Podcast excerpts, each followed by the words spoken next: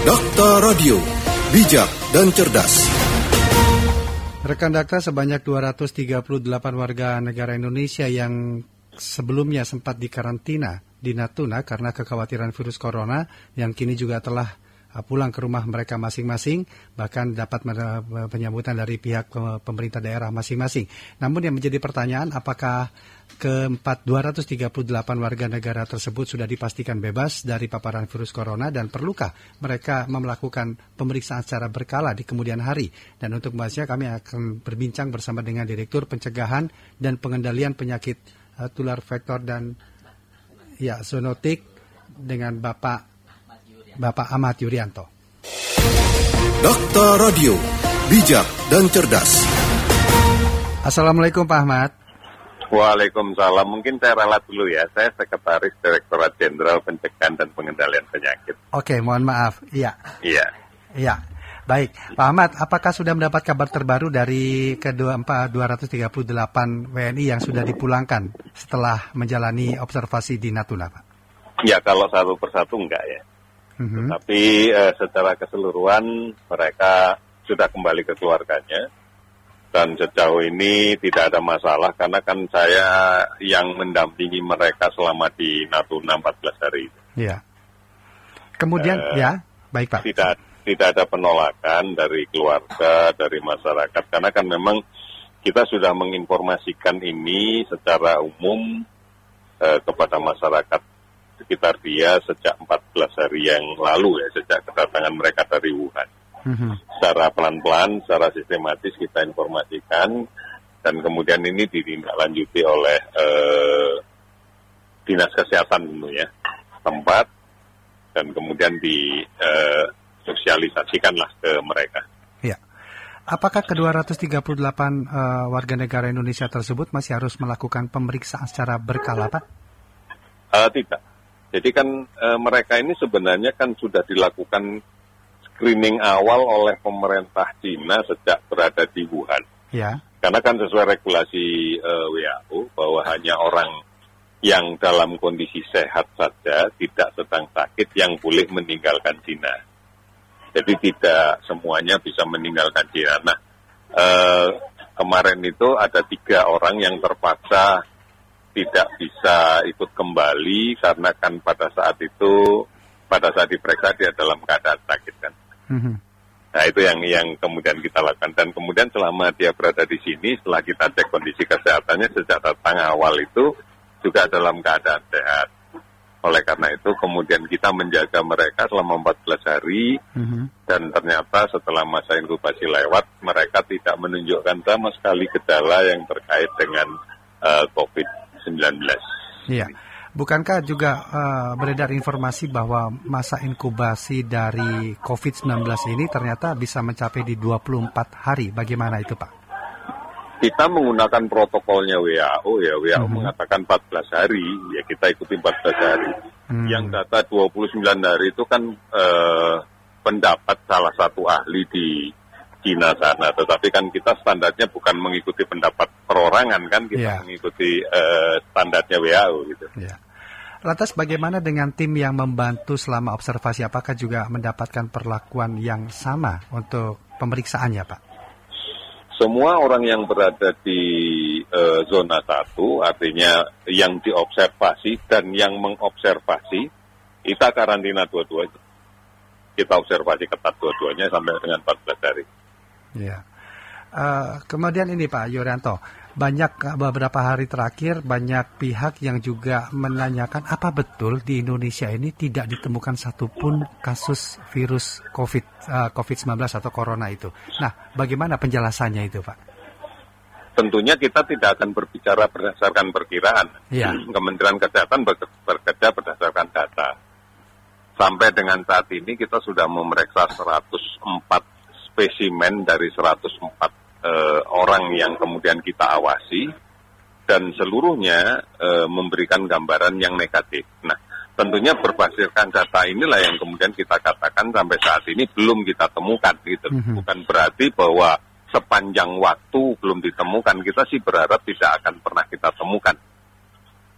Iya. Yeah. apa, pola pemeriksaan itu berdasarkan dari laporan yang masuk atau ada tindakan yang lebih uh, spesifik untuk mengetahui hal itu, Pak? Pemeriksaan virus itu adalah pemeriksaan laboratorium dan itu tahapan terakhir dari sebuah upaya untuk melakukan konfirmasi hmm. dari uh, COVID-19. Tentunya di tahap awal yang kita lakukan adalah melakukan pemeriksaan dari keluhan. Karena tidak semua keluhan orang kan mengarah ke COVID. Yang mengarah ke COVID itu adalah keluhan batuk, panas, uh, sulit kesulitan bernafas, ya. dan panasnya itu di atas 38 setelah ini ditemukan secara nyata pada seseorang, maka orang ini statusnya kita awasi. Baru iya. kemudian yang kedua kita lanjutkan dengan analisa riwayat kontak. Kalau ada muncul gejala begitu tapi sama sekali nggak pernah ada kecurigaan kontak atau tidak pernah ada riwayat kontak, ya kita nggak akan mikir. Mm-hmm. Karena infeksi ini harus ada sumbernya kan. Nah kalau nggak ada sumbernya kita kan nggak mungkin kemudian berpikir bahwa ini satu COVID gitu. Yeah. Nah, setelah kemudian kita yakini ada riwayat kontak, maka pasien ini langsung kita isolasi dan kemudian kita ambil spesimennya untuk kita kirim ke laboratorium guna pemeriksaan. Manakala nanti dari pemeriksaan laboratorium ini hasilnya positif, maka ini confirm positif berarti kasus COVID. Nah, selama ini kita tidak menemukan yang confirm positif. Bahkan di dalam e, pemeriksaannya, corona pun tidak kita temukan gitu loh. Mm-hmm. Karena kita tahu bahwa corona ini strainnya banyak. Ya. Ada tujuh yang bisa uh, menyebabkan sakit pada manusia dan kita memiliki cara untuk memeriksa ini. Kalau kemudian ini ini aja negatif kan tentu kita tidak akan lari pada COVID-19. Iya. Apakah sudah ada penelitian kenapa kita bisa di, dinilai kebal terhadap virus yang cukup mengkhawatirkan dunia ini, Pak Ahmad? Sebenarnya penilaian bahwa kita kebal terhadap penyakit enggak lah. Iya kita tahu bahwa virus ini baru dikenali itu kan dua bulan ya, kurang lebih dua hmm. bulan yang lalu. Tentunya tidak mudah untuk kemudian dalam waktu dua bulan kita bisa paham betul tentang karakter virus ini. Kita tidak akan ngerti tentang uh, konsep atau uh, terjadinya mutasi dan sebagainya. Ini sedang berproses. Dunia pun juga sudah sudah mengatakan bahwa tidak mungkin dalam waktu dua bulan kita sudah memahami betul dan kemudian tahu betul tentang tentang apa obatnya, tentang uh, bagaimana uh, vaksinnya. Mm-hmm. Belum belum sampai ke tahapan itu. Yeah. Tapi kalau kita melihat kasus yang di negara tetangga kita di Singapura yang sudah begitu sangat-sangat ditangani secara serius di sana. Nah, antisipasinya bagaimana dari pemerintah kita, Pak? Kita pahami bahwa yang di Singapura yang terkena itu adalah orang-orang yang baru kembali dari Wuhan, kan? Iya dalam langkah menjelang Imlek kan banyak di antara mereka yang leluhurnya mungkin di Wuhan, jadi sempat hmm. mereka pulang ke Wuhan dan setelah itu terinfeksi di sana, setelah kembali baru muncul keluhan itu. Nah, standar kita sama, bukan hanya masalah setelah Singapura terjadi ya, dari awal ada upaya cetak tangkal yang sudah kita laksanakan karena kita dari 2011 sampai sekarang ini masih berhadapan dengan corona lain yang berasal dari Timur Tengah yang kita kenal dengan flu on type. Mm-hmm. Itu resikonya juga cukup besar karena eh, data menggambarkan kurang lebih sekitar 1,4 juta orang per tahun dan itu terjadi setiap hari melaksanakan ibadah umroh dan haji kan yang memiliki resiko yang sama dibanding dengan eh, COVID-19 ini. Artinya kita bukan baru siaga sekarang dari 2011 kita sudah melakukan siaga terkait dengan ini. Yeah. Baik, kemudian uh, Pak Ahmad, apakah setiap daerah di Indonesia, terutama di rumah sakit rujukan, itu memang memiliki uh, peralatan yang benar-benar terstandarisasi sesuai dengan yang diharapkan? Pengalaman 2002 pada hmm. waktu SARS itu kan kemudian mengharuskan pemerintah dalam hal Kementerian Kesehatan menyiapkan rumah sakit-rumah sakit rujukan. Ya dan kemudian kita membuat standar tentang kriteria sarana prasarana termasuk SDM rujukan itu dan menetapkan 100 rumah sakit di 34 provinsi sebagai rujukan untuk penanganan SARS pada waktu itu.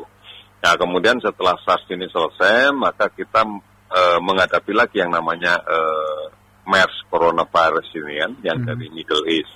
Maka ini juga kita jadikan standar untuk layanan itu. Nah sekarang kita tidak pernah kendor dan sekarang masuklah yang episode baru yang COVID-19 ini. Artinya eh, rumah sakit rujukan kita masih tetap jalan. Jangan dibayangkan bahwa rumah sakit rujukan yang di 100 eh, rumah sakit itu sama semua tidak. Yeah. Kita akan bisa melakukan penguatan dari salah satu rumah sakit dengan mengirimkan tim ahli manakala kasus itu kita temukan. Tapi standarnya, platformnya sudah ada. Tinggal kalau kemudian membutuhkan spesialis paru misalnya, membutuhkan spesialis yang lain, membutuhkan alat, tinggal dipindahkan aja dari tempat yang lain untuk kita geser. Pada prinsipnya adalah fasilitas layanan mendekat ke pasien, bukan pasien yang mendekat ke fasilitas layanan. Ya.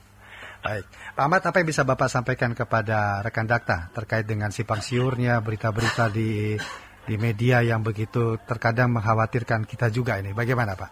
Iya, pahami bahwa eh, coronavirus ini atau COVID ini sekarang COVID-19, coronavirus disease eh, 19, ini adalah varian dari influenza.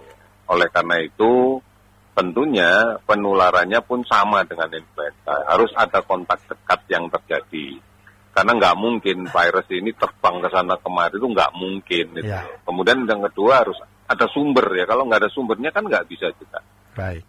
Dan kemudian semuanya ini bisa menular akibat perilaku perilaku yang tidak sehat ya, termasuk tidak biasa melakukan cuci tangan dan sebagainya. Oleh karena itu, menurut saya satu hal yang sederhana, sakit ini bukan takdir, itu, karena perilaku aja. Ya. Oleh karena itu, berperilaku sehat ini menjadi kunci. Baik.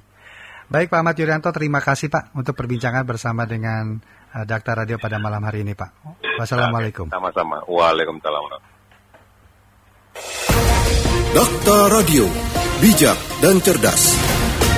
Sekretaris Direktur Jenderal Pencegahan dan Pengendalian Penyakit Kementerian Kesehatan atau Sesdijen P2P Kementerian Kesehatan Ahmad Yuryanto.